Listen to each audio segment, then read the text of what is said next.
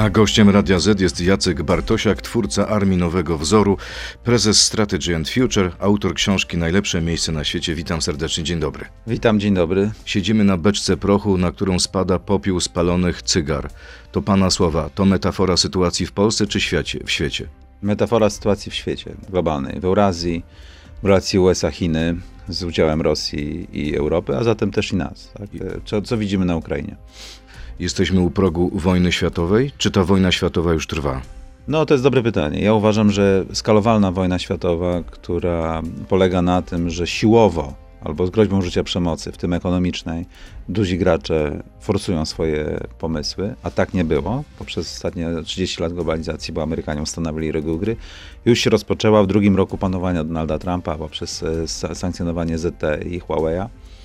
I resztę mocarstw musiało się zacząć ustosunkowywać do tego i na przykład ruch rosyjski uderzenia na Ukrainę jest tego przejawem. Skalowalna wojna światowa, co to znaczy? To znaczy, że nie, się nie zaczyna od razu, że wie, wie pan, narzucam panu od razu swoją wolę, jak nie to przemocą, bo jest broń termojądrowa.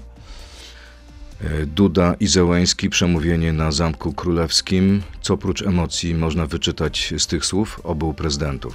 Tworzenie fun fundamentów potencjalnej konsolidacji i wy wydaje mi się, że idziemy w kierunku sojuszu wojsko wojskowego, czy jakichś rozszerzonych gwarancji dla Ukrainy oraz w oparciu o to potencjalnej współpracy gospodarczej na sytuację po podpisaniu jakiegoś pokoju. Natomiast zależy, co Ukraińcy dostaną w czasie tego pokoju. Jeżeli dostaną uczestnictwo, partycypację w NATO, no to nie będą chcieli od nas sojuszu wojskowego. Jeżeli dostaną rozszerzone gwarancje bezpieczeństwa twarde, w tym parasol nuklearny amerykański, to też nie będą chcieli od nas. A jeśli tego nie dostaną? To będą chcieli od nas mieć sojusz wojskowy. I my mamy w to wejść, mamy gwarantować bezpieczeństwo Ukrainy, czyli mamy zapewnić Ukraińców, że jeśli będzie kolejny atak rosyjski, po oczywiście, jeśli się ta wojna skończy, zakończonej wojnie, że nasi żołnierze będą walczyć na Ukrainie?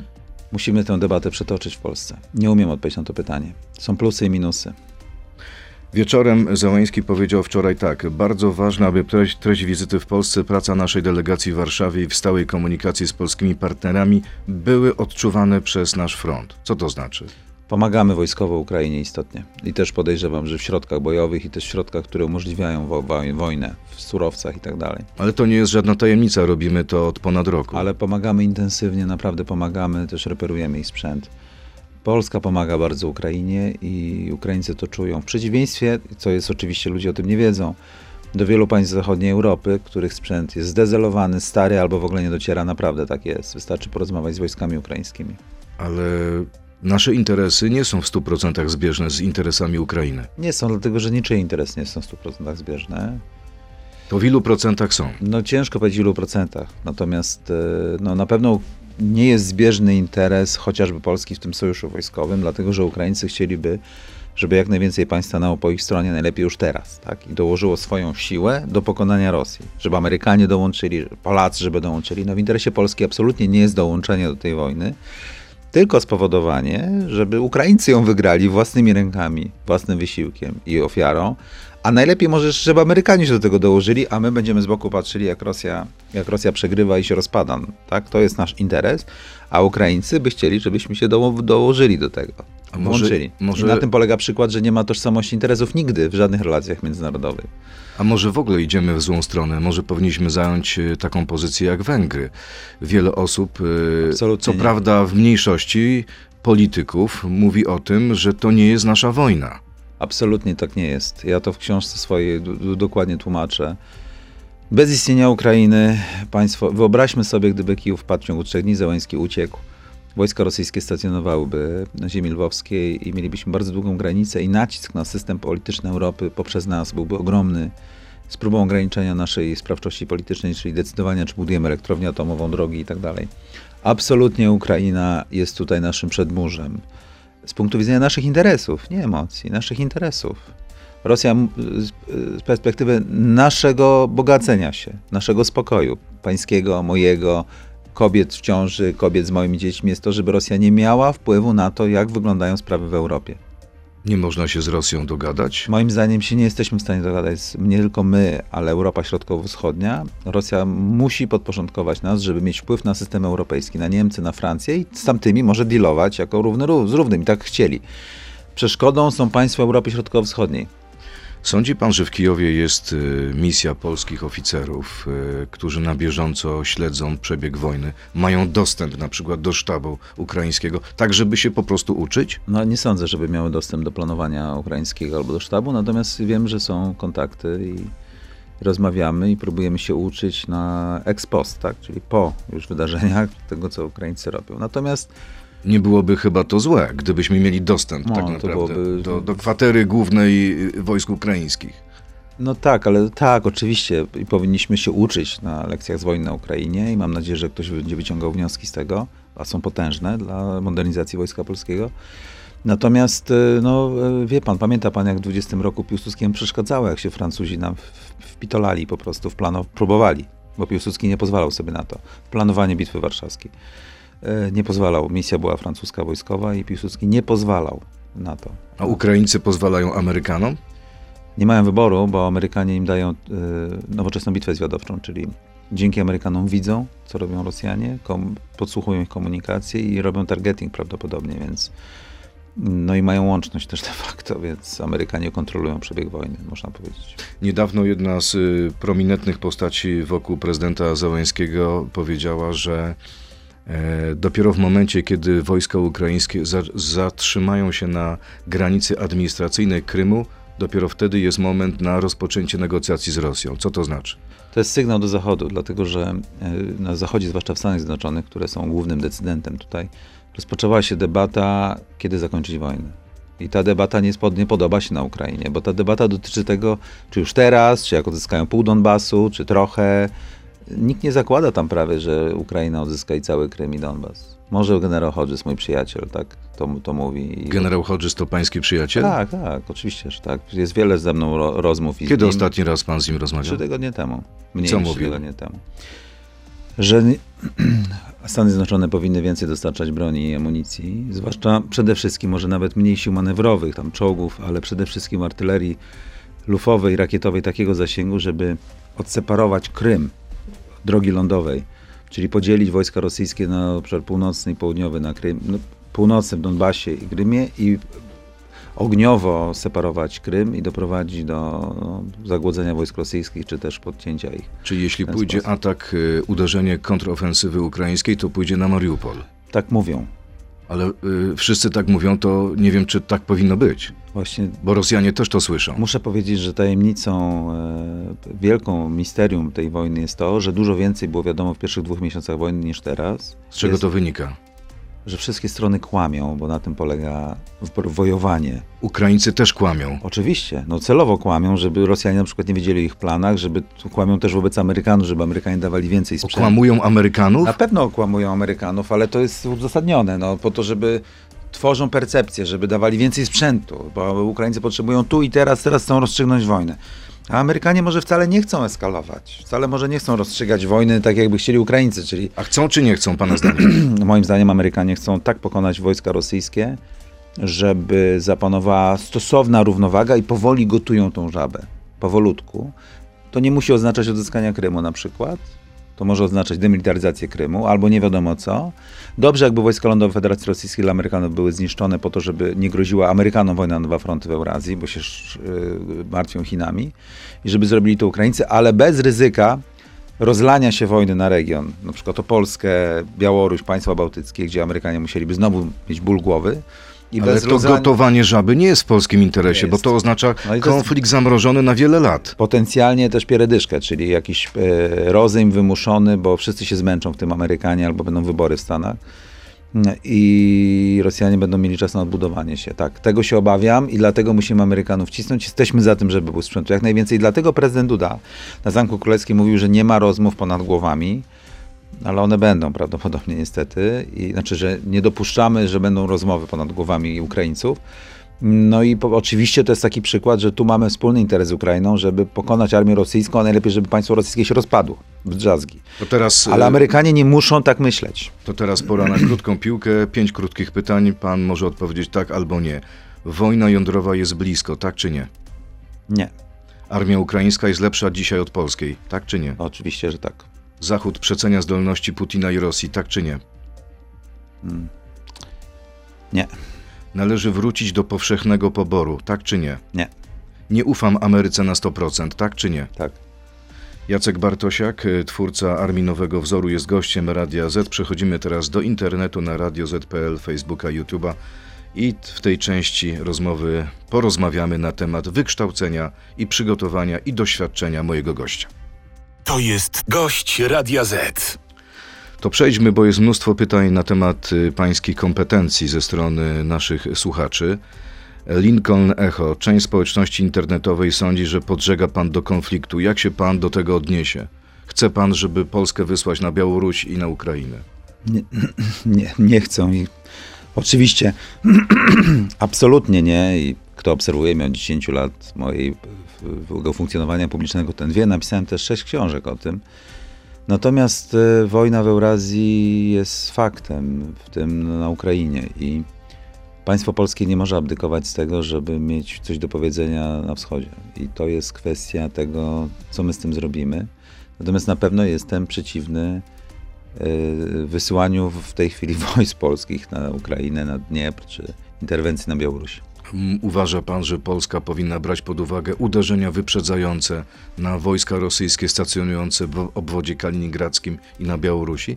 No nie ja tak uważam, tylko że to jest przecież to wynika z wypowiedzi polityków i z zakupów wojskowych. Przecież po co kupujemy to wszystko?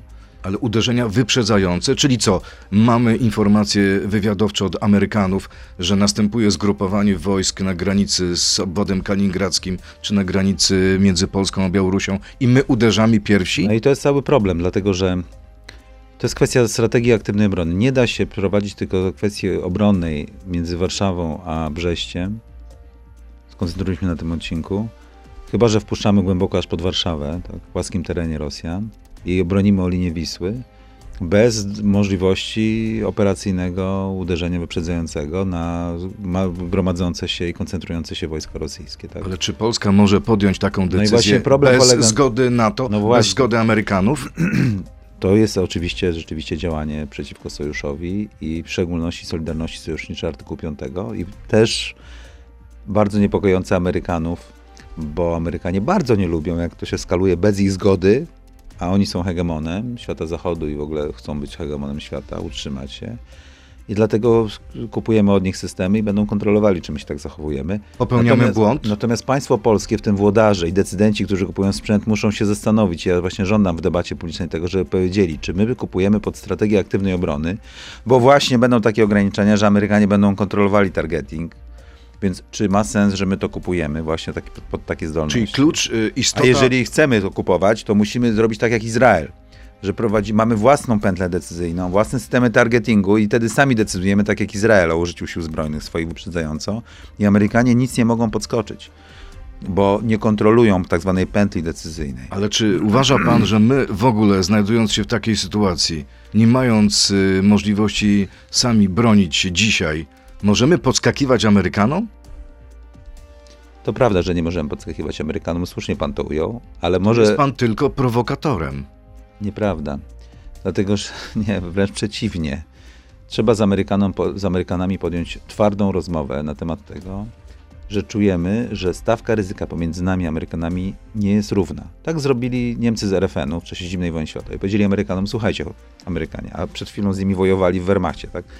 Słuchajcie Amerykanie, jeżeli wy nie będziecie stacjonować tutaj 300 tysięcy wojska z rodzinami jako zakładnicy de facto, to my będziemy prowadzili delikatną politykę zagraniczną wobec Związku Sowieckiego, który stoi na łabie i ma broń jądrową.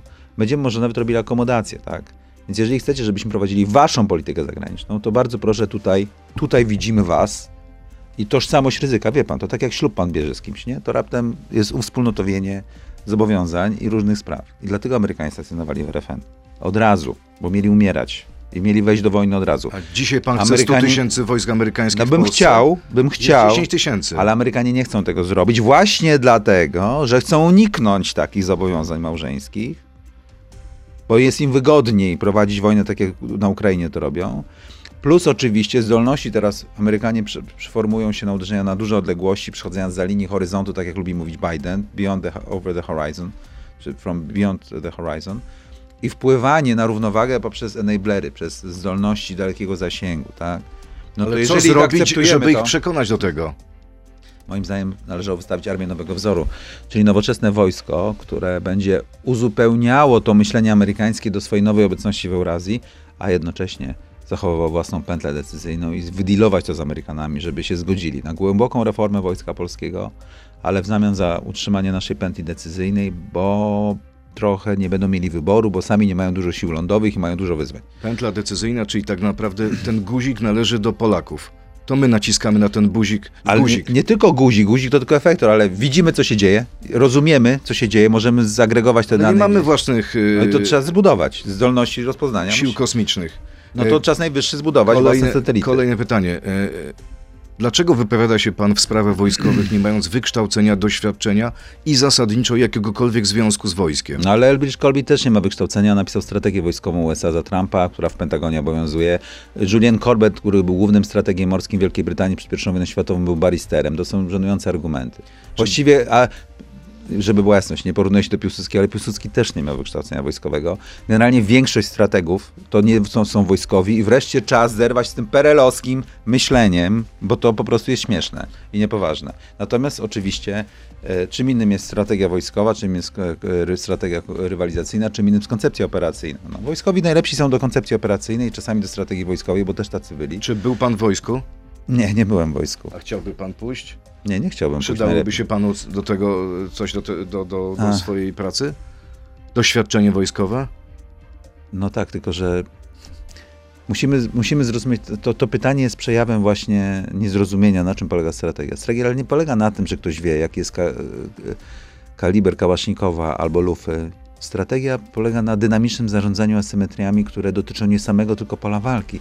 Tylko wojna jest wszechogarniającym zjawiskiem, czego najlepszym dowodem jest Zełański, Arestowicz i ludzie wokół Zełańskiego, którzy się wypowiadają asymetria dominacji informacyjnej i tworzenia pewnej percepcji. Asymetria surowcowa, asymetria na To polu wszystko walki. jest bardzo skomplikowane. Może pan trochę Zachęcam bardziej ludzkim językiem? Generalnie wojna nie polega tylko na strzelaniu z karabinu, a właściwie to jest bardzo mały i teoretycznie najmniej ważny element, jakkolwiek brutalnie to brzmi. Kolejne pytanie. Olgierd, czy nie irytuje pana, że ogromna większość polityków mówi o zwycięstwie Ukrainy, kompletnie nie precyzując, co miałoby ono oznaczać? Irytuje. Wraz z Markiem Budziszem Strategy and Future często o tym mówimy i żądamy w debacie publicznej, jaka jest teoria zwycięstwa. To się nazywa teoria zwycięstwa. Co jest w interesie Polski i jak należy ukształtować zachowanie Ukraińców, Amerykanów, Brytyjczyków, wszystkich oraz pole walki samo, żeby osiągnąć to, co my chcemy. To jest polska teoria zwycięstwa.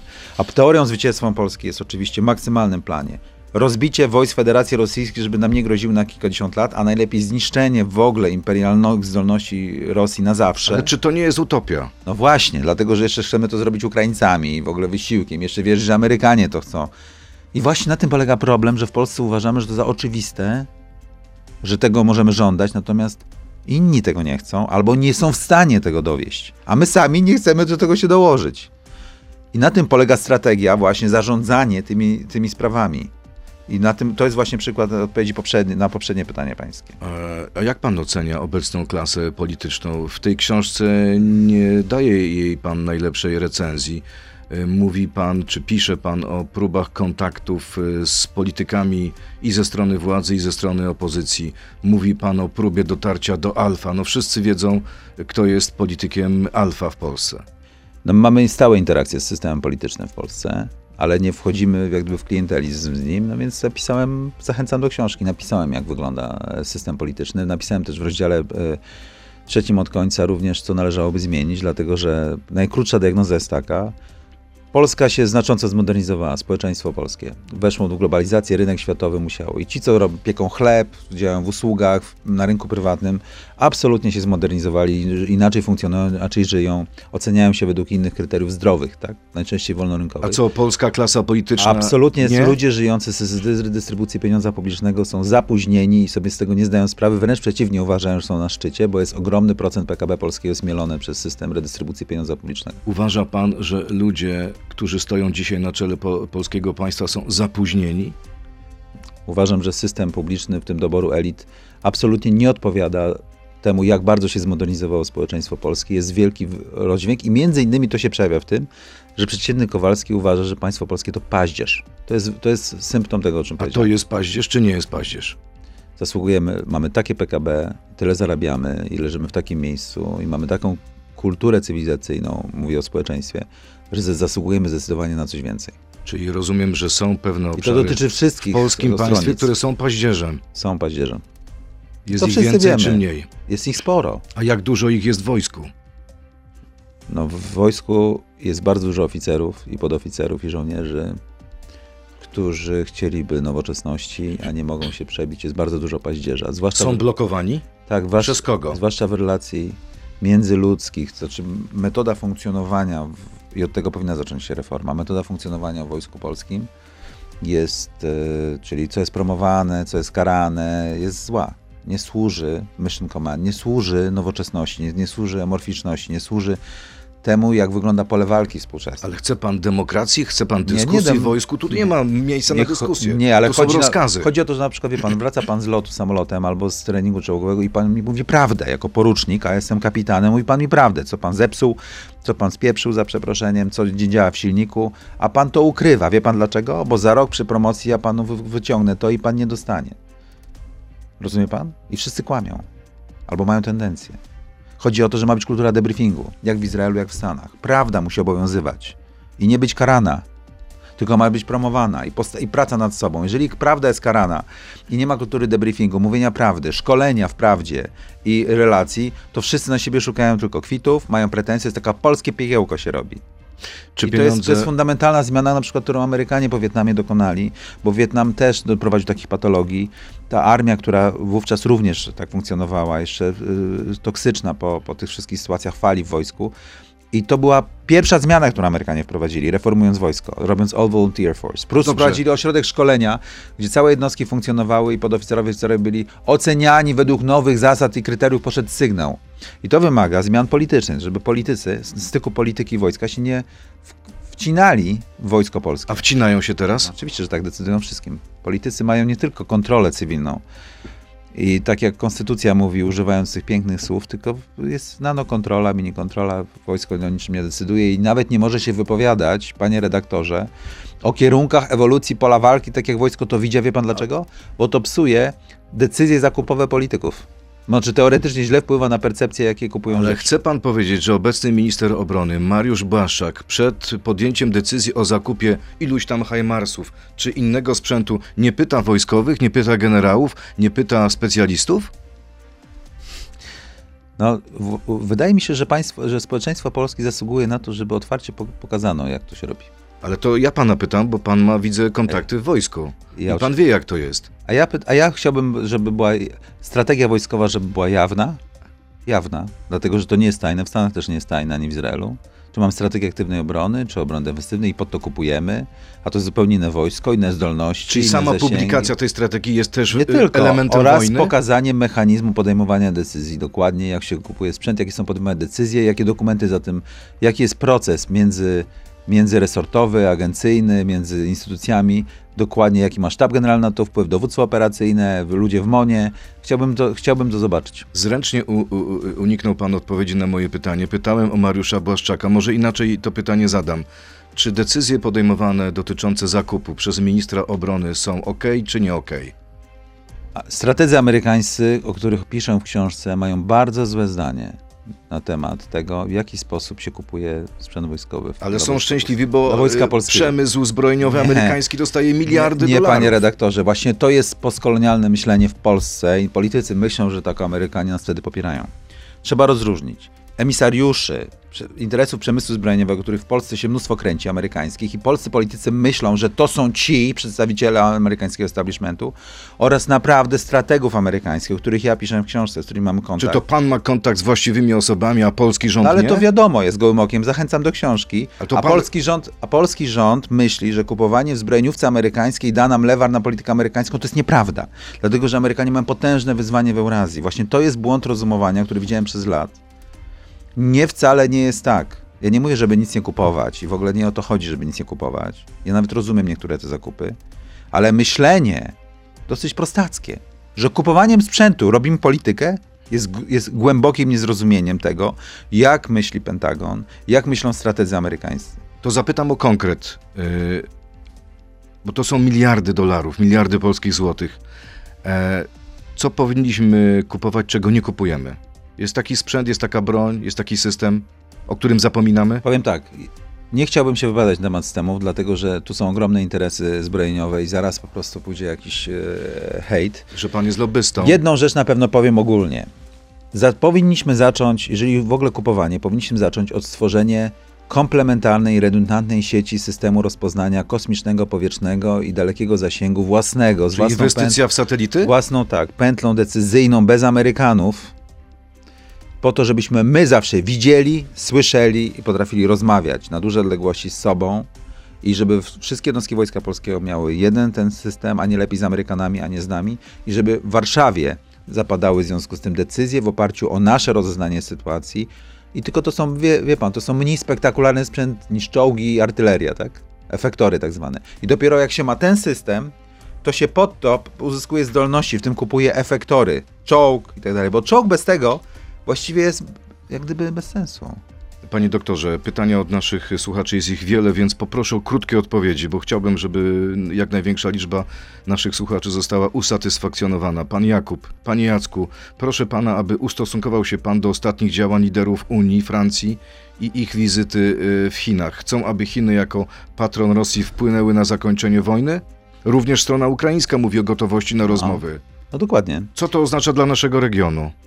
To jest bardzo dobre pytanie, które absolutnie nie jest w debacie publicznej, dlatego że zostanie oczywiście przetestowane, jak bardzo Chiny mają wpływ na Rosję. To jeszcze może być za mały wpływ na to, żeby zmusić Rosję do pokoju ze strony chińskiej, ale to pokazuje, że Chiny stają się czynnikiem geopolitycznym w Europie. A ani Francja, ani Niemcy nie chcą wojny w Eurazji i nie chcą decouplingu, czyli deglobalizacji, którą żądają Amerykanie. To pokazuje głęboki rozłam w świecie transatlantyckim jedności Zachodu, o której my marzymy.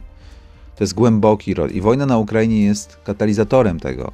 I również jak przebiega. Dlatego Francuzi i Niemcy byli zainteresowani, żeby Ukraina szybko upadła. I nie chcieli pomagać Ukraińcom. Babster, jak pan Bartosiak odniesie się do zarzuty pana Radziejowskiego o absurdalnym użyciu pojęcia skalowanej wojny światowej? A nawet y, nie, nie, nie, nie wiem, jak nie, nie widziałem tej wypowiedzi, jak się y, Radziejewski, więc nie wiem, co tam w szczegółach. Dobrze, A to- wcześniej powiedziałem, dlaczego skalowalna. Amadeusz, y, czy otrzymuje pan propozycje polityczne? Oczywiście, to nie ma Od kogo? tygodnia. Od wszystkich. Nie ma tygodnia. że- Od prawicy, od lewicy? Od, od wielu lat, ale ostatnio to już w ogóle. Spotyka się pan z politykami? Tak, Ze wszystkich opcji? tak. Gra pan z nimi? Nie, nie, bo już napisałem w książce, dlaczego nie. Nie interesuje mnie to w ogóle. My tworzymy kulturę strategiczną państwa polskiego. Ja, Marek Budzisz, Albert Świdziński, Strategy and Future to jest wielka misja, dużo moim zdaniem ważniejsza niż, niż gry polityczne. Czy Stany Zjednoczone są realnym gwarantem bezpieczeństwa w NATO, mając tak małą liczbę żołnierzy w Europie? Czy ewentualne uderzenie atomowe w Warszawie bądź Helsinki będzie równoznaczne z atakiem na Waszyngton? No, chcielibyśmy, żeby tak było i dlatego pot- potrzebujemy od Amerykanów rozszerzonych gwarancji nuklearnych wraz z realnymi demonstrowanymi zdolnościami na wszystkich szczeblach drabiny, czyli przez wszystkie środki przenoszenia i zdolności jądrowej oraz tak zwaną deklaratywną politykę. Musi być, Amerykanie muszą wysłać silny sygnał. To jest bardzo mądre pytanie, dlatego że jeżeli my chcemy ten sojusz wojskowy z Ukrainą, załóżmy, którego uważam, że jeszcze jest za wcześnie, żeby o tym myśleć, to bez parasola amerykańskiego nuklearnego demonstrowanego a Rosjanie mogą rozegrać różnicę w stawce ryzyka między nami a Amerykanami. To dokładnie do czegoś sprowadza to pytanie. Kto o tym myśli w Polsce, panie redaktorze? No to jest taki przejaw naszych elit. Ale przepraszam bardzo, nie myślą o tym generałowie, nie myśli o nasze najwyższe dowództwo, nie myślą e, Pan ludzie, zapyta, którzy są w kierownictwie rozmawia, to pan Ministerstwa Obrony. To pan rozmawia z politykami, niech pan ich zapyta o to. Zobaczymy, czy będą wiedzieli o co chodzi. Niech pan ich zapyta. Pan uważa, że nie mają pojęcia. Nie, no nie, nie wiem, no niech pan ich zapyta, panie redaktorze. Niech pan ich zapyta, no bo to pan ma wpływ na debatę taką, że pan może zapytać. Niech pan zapyta o to. Czy rozmawiają z Amerykanami o tym, że w kontekście tego, że architektura bezpieczeństwa została złamana, Ameryka- NATO to Amerykanie i tak naprawdę tylko Amerykanie Brytyjscy realnie pomagają, mają zdolności, bo widzimy, że zdolności ani amunicyjnych, ani logistycznych na zachodzie Europy nie ma i w ogóle już nie mówiąc o tym, że jeżdżą do Pekinu, to w przypadku, gdy my pomagamy Ukraińcom, będzie jakaś pieredyszka, Ukraińcy będą budowali armię, kto da Ukraińcom gwarancję bezpieczeństwa? Żeby Ukraińcy mogli ten e, rozejm. Kto? Amerykanie? Tak jak memorandum A budapesztańskie. my powinniśmy dać te gwarancje? Chodzi o to, że a, Ukraińcy będą nas ciągnąć za rękę, to widać było, żebyśmy my to zrobili. My, wierząc w to, że będzie może Rzeczpospolita, prawda, wspólnie, pomysł, federacja, jeszcze nie daj Boże, zaczniemy o tym myśleć, ale musimy wówczas, albo Ros- najlepsze, że Rosjanie mogą myśleć, że my realnie mamy sojusz. To to, co to pan robi, to jest mi znaczenie, co Rosjanie w głowie będą mieli, tak? I mogą nas uznać za cel, a mogą nas izolować nuklearnie przez różnicę stawki ryzyka i ciągłe szantaże nuklearne. I my musimy mieć na to odpowiedź, strategię nuklearną. Jeżeli mamy nie mieć własnej broni jądrowej, co byłoby złamaniem traktatu międzynarodowego, jeżeli Ukraińcy mają nie mieć broni jądrowej, którą mieli, tak, to Amerykanie muszą coś zrobić więcej niż do tej pory przez rozszerzone gwarancje nuklearne, być może deals. Nuclear sharing? Nie, to jest za mało i to jest niewykonalne, bo Niemcy się na to nie zgodzą. W NATO się nie zgodzi na to, żebyśmy my tu mogli eskalować z Rosją. Amerykanie muszą coś zademonstrować. Do dyskusji. Albo obecność jądrowa na terytorium Polski, albo traktat oddzielny między nami, Wielką Brytanią, Stanami Zjednoczonymi, Ukrainą, Polską, tylko to na razie to jest jeszcze za wcześnie. Ale polscy politycy już powinni stanowczo, małymi kroczkami, nie prosić Amerykanów, tylko mówić, tu jest taka nasza percepcja, tu nie dowozicie, zobaczcie, tu jest taki problem, jeżeli chcecie mieć stabilną A architekturę może bezpieczeństwa- mówią, nie jest pan świadkiem tych e, rozmów zakulisowych polskiego ministra obrony z amerykańskimi e, Trzymajmy przywódcami? kciuki, żeby mówili. Mam nadzieję, że słuchają naszego wywiadu i będą mówić. Tak Bartosz, powiedział. wiele osób zarzuca panu hermetyczny język i w ogóle to, że mówi pan geopolityczne bzdury. Jak pan odniesie się do tych zarzutów? Co do bzdur, wystarczy. Jest kilkaset moich wyk- wykładów, czasami wielogodzinnych w, st- w ostatnich latach. Zajrzyjcie Państwo na rok z 2019-2018, zobaczycie, że się posprawdzało. Wiele osób mówią, mówi o tym, że wiele rzeczy się nie posprawdzało. Ale co ci nie sprawdziłam? Że te prognozy pańskie nie były wszystkie trafne w Jak? 100%. Nie no, w 100% nigdy nie są, ale No naprawdę właśnie. jestem całkowicie spokojny. Dorobek książki, sześć książek. No jak czytałem recenzję pana Janusza, przepraszam, pana Gajosa, y, Bartłomieja Gajosa, no to była druzgocąca recenzja pańskiej książki. Czytałem ją, ale ona nie dotyczyła w ogóle meritum, tylko to była próba wynikająca ze słabości. Tak, tak naprawdę chłopcy w krótkich spodenkach napisali recenzję, młodzi chłopcy, którzy zamiast wejść merytorycznie próbowali zrobić szyderę z czegoś, czego się boją. O, i tak bym to ujął. Absolutnie niepoważne. Zapraszam do debaty. Niech staną tak jak pan ze mną i niech ludzie posłuchają. I zobaczymy wtedy. Niech przejdźmy krok po kroku. Wszystkie założenia strategiczne i tak dalej. Zobaczymy wtedy, kto ma merytorykę, a kto nie. I takie recenzje, takich oczekujemy debat i takich recenzji merytorycznych. Powiem więcej jeszcze. Rynek przemówił i społeczeństwo przemówiło. Książka, którą recenzował, już sprzedała się już w ciągu dwóch tygodni w kilkudziesięciu, grubych kilkudziesięciu, nie małych kilkudziesięciu, tylko grubych kilkudziesięciu tysiącach e, sztuk. Rynek przemówił i otrzymuje tysiące wiadomości na ten temat, tak. W związku z tym do tego niech się ustosunkują, dlatego że się skończył pewien etap 30 lat, śpią, że śpimy geopolitycznie, że jest drzemka, że będziemy sobie dywagować w zamkniętych kręgach, nie wiadomo o czym. Wrócił język geopolityki, mówią o tym nawet już Ursula von der Leyen mówi językiem geopolityki, używa tych słów. Więc za mówieniem również, że używam hermetycznego języka albo to jest mitomańskie, to jest brak oczytania, brak czytania na bieżąco prasy re- realnej, ludzi, którzy decydują o świecie w Stanach Zjednoczonych i nawet w Brukseli. I próba jest znowu jak małe dziecko zasłaniania oczu. Pan uważa się za erudytę? Nie, szczerze mówiąc, przez ostatnie lata tyle się zajmuję tą strategią, że zaniedbałem lektury innych rzeczy. Kiedyś byłem w miarę oczytanym człowiekiem. Czy Polska ma szansę na stanowisko sekretarza generalnego NATO? Dobre pytanie. Chyba jednak nie, bo wciąż w Europie Zachodniej jest obawa, że Polska chce wojny z Rosją, albo że trzeba się liczyć trochę z tą Rosją. No paradoks jest, ale na tym to polega. I tacy Hiszpanie i Francuzi absolutnie nie chcą się konfrontować. Oni by chcieli, żeby Rosja była częścią systemu bezpieczeństwa. Taka jest prawda. I na tym polega trudność położenia Wciąż po 13 miesiącach Oczywiście. wojny. No a po co Macron? Po co Macron cały czas to samo? Naprawdę, oni uważają, zresztą to dla nich byłoby korzystne, ale, to, ale nie dla nas. Ostatnie pytanie. Zaczęliśmy od y, rozmowy i wizyty prezydenta Załęskiego i rozmowy z prezydentem Dudą, od wystąpienia na Zamku Królewskim. Dlaczego według pana strona ukraińska nie przeprosiła za przewodów i dlaczego, to jest cytat dokładny, olewa temat rzezi wołyńskiej, co zniechęca wielu Polaków do pomagania im? O rzezi wołyńskiej się nie będę wypowiadał, bo to temat emocjonalny. My się zajmujemy strategią na teraz i przyszłość. Czyli należy odpuścić historię, bo ważniejsza jest teraźniejszość i przyszłość? Panie redaktorze, dlaczego Japonia jest najlepszym sojusznikiem Stanów Zjednoczonych? A zrzucili Amerykanie na nich bomby atomowe dwie. Tak? Dlatego, że zagrożenie Związku Sowieckiego, potem Chin komunistycznych, a potem korzyści, które Japonia uzyskiwała z otwarcia rynku i rozwoju gospodarczego, miały tylko znaczenie. Teraźniejszość i przyszłość. Taka jest brutalna prawda, chociaż ja jestem miłośnikiem historii, o czym moi y, czytelnicy wiedzą.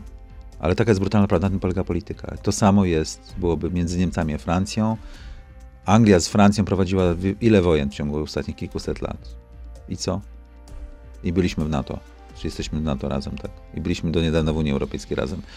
Ma tylko teraźniejszość i przyszłość znaczenie, bo się zmienia układ interesów, wszystko jest dynamiczne i nie umniejsza to absolutnie nic, żeby była jasność. Krzywd przeszłości. Natomiast my w Strategy and Future się nie wypowiadamy na te tematy, bo zajmujemy się teraźniejszą i przyszłością i kształtowaniem strategii. Co do rakiet, yy, sytuacja do tej pory jest niejasna, jaka była prawda. Ukraińcy się wolą nie wypowiadać. Yy, natomiast. Boją się przyznać do błędu, do nie, pomyłki? nie, chodzi o to, że ta sytuacja potencjalnie mogła eskalować w kierunku wojny z NATO, bo zaatakowany teoretycznie, można było uznać, że zaatakowany został terytorium członka. I dlatego Biden wyciszał od razu, będąc bardzo daleko gdzieś w Azji Południowo-Wschodniej, wyciszał to, żeby czasem nie wyszła taka interpretacja, że trzeba odpowiadać Rosjanom. Więc jest bardzo dużo tutaj tajemnic. Ja nie mam oczywiście pojęcia, jakie to były rakiety, natomiast nie ma to trochę nie ma to znaczenia, jakie były rakiety. Ważne jest, jakie były skutki strategiczne przeprocedowania tego wydarzenia. To też jest a propos tego, Jakie że były? Krótko. Amerykanie nie chcą eskalacji, rozlania się konfliktu po regionie, w związku z tym zrobili wszystko, żeby się nie rozlał. I o tym powinniśmy pamiętać. Dr Jacek Bartosiak, prezes Strategy and Future. I zrobili dobrze, i zrobili Radia prawidłowo, Z. i postąpili prawidłowo. Czyli I nie państwo jest pan polskie też. wojennym. Nie, i postąpili prawidłowo, i postąpili prawidłowo, i, pa, i włodarze państwa polskiego też postąpili prawidłowo. Niezależnie od tego, co się stało. Zdaliśmy ten test. Tak. Bardzo dziękuję. Dziękuję za rozmowę. Miłych, miłego weekendu i wesołych świąt. Dziękuję, Dziękuję. bardzo. To był gość Radia Z. Słuchaj codziennie w Radio Z i na player radioz.pl.